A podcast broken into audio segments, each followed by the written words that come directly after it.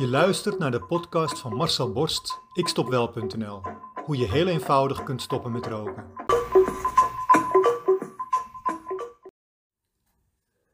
Ik bied nu meteen in het begin van deze podcast al mijn excuses aan voor iets vreselijks dat ik heb gedaan tijdens een vakantie.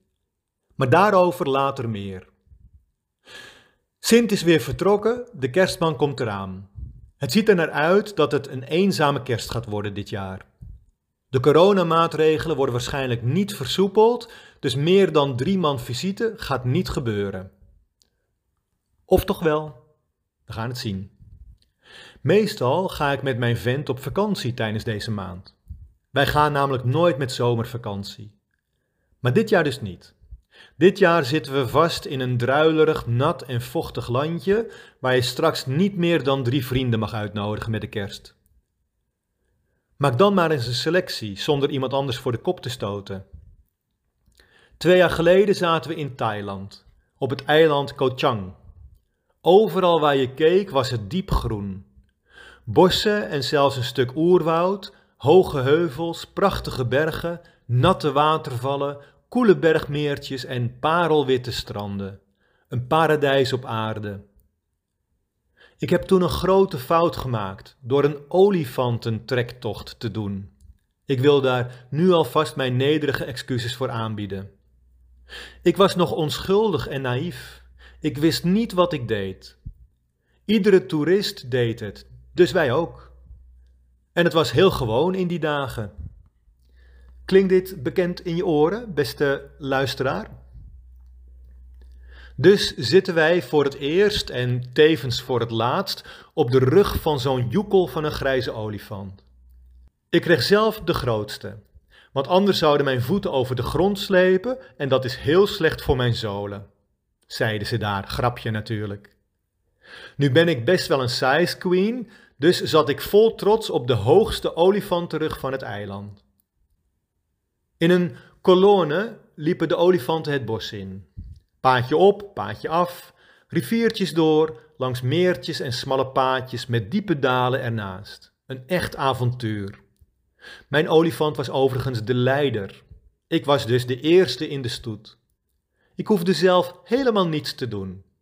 De olifant wist precies hoe hij moest lopen, welke afslag hij moest nemen, wanneer hij voor een olie hoogtepunt mocht gaan trompetteren, slurf omhoog en indruk maken. Waar ken ik dat ook alweer van? Soms was de afdaling zo steil dat je uit moest kijken om niet van dat kolossale beest af te vallen. Na precies een uur waren de olifanten weer terug op hun startplaats. Daar mochten ze vervolgens het water in om samen met elkaar te spelen en plezier te maken in het water. Nu weet ik dat dit echt helemaal fout is. Nu weet ik dat de meeste toeristen dit helemaal niet doen. Inmiddels weet ik dat die mooie dieren hierop volledig zijn afgericht. Dat dit met heel veel tranen en pijn gepaard gaat. Ja, ja, echt waar, olifanten huilen ook. Nu weet ik dat ze daarvoor de hele dag vastgebonden zitten aan veel te kleine kettingen die ze elke beweging ontneemt. Nu weet ik dat ze als kleine olifant volledig geknecht en gemarteld worden om uiteindelijk dat ene vaste rondje zonder risico's te lopen voor de toerist, waar het dorp dan weer zijn hele inkomen mee verdient. Ik schaam mij dood. Dierenleed. De olifant loopt zijn rondje omdat het weet dat hij straks eventjes vrij zal zijn, niet vastgebonden. De beloning. Aan het einde mogen ze met elkaar spelen in het water. Dat is hun doel. Daar gaan ze voor. Zo leer je gedrag aan en af. Als jij als bereider een andere kant op wilt, dan gaat je dat echt niet lukken.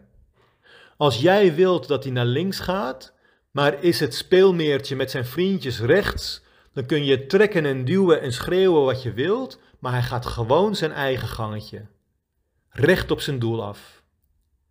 Die olifant, dat is nu jouw onbewuste rookgedrag. Jarenlange training heeft je brein klein gemaakt en kort gehouden. Je brein weet nu waar de beloning ligt, in dat sigaretje. Want dan is die interne stress eventjes verdwenen. En daar gaat die onbewuste olifant tussen jouw oren voor. Voor die 10 seconden rust in jouw lijf. Dat jij als roker daarvoor de hele dag stress ervaart. Dat jij als roker daardoor volledig geknecht bent en aan de kettingen van je rookgedrag vastzit. Dat je je hele leven hierdoor aanzienlijk inperkt, omdat je heel veel dingen straks niet meer kunt of mag doen. Dat heeft je brein graag over voor die 10 seconden rust die het voelt na je eerstvolgende sigaretje. Als jij als bereider die grote olifant een andere richting op wilt sturen, door op eigen kracht te stoppen met roken, dan wens ik je veel succes. Die olifant heeft namelijk hele andere plannen. Behalve als er opeens een andere beloning in het verschiet ligt. Behalve als de olifant opeens ziet dat hij ergens anders nog meer vrijheid krijgt om te spelen en zichzelf te zijn. Zonder ketenen, zonder slagstok waarmee hij continu wordt afgeranseld. Dan slaat de olifant opeens wel linksaf. Dan ben je zomaar in één keer een niet-roker, omdat jouw onbewuste olifant dat heel graag wil. En omdat jij op zijn rug meerijdt, ga jij automatisch met hem mee. Daar hoef je niets meer voor te doen. Net als al die andere deelnemers in mijn online programma, die ook zomaar in één keer een niet-roker werden. Want zo werkt mijn programma. Ik geef jouw olifant gewoon een veel leuker einddoel. En als hij dat eenmaal doorheeft, dan is het gedaan met jouw rookgedrag. Wanneer geef jij jouw olifant de controle terug? Wil jij ook stoppen met roken? Wil jij jouw rokende collega's van het roken afhelpen? Kijk dan op mijn website ikstopwel.nl en neem contact met mij op.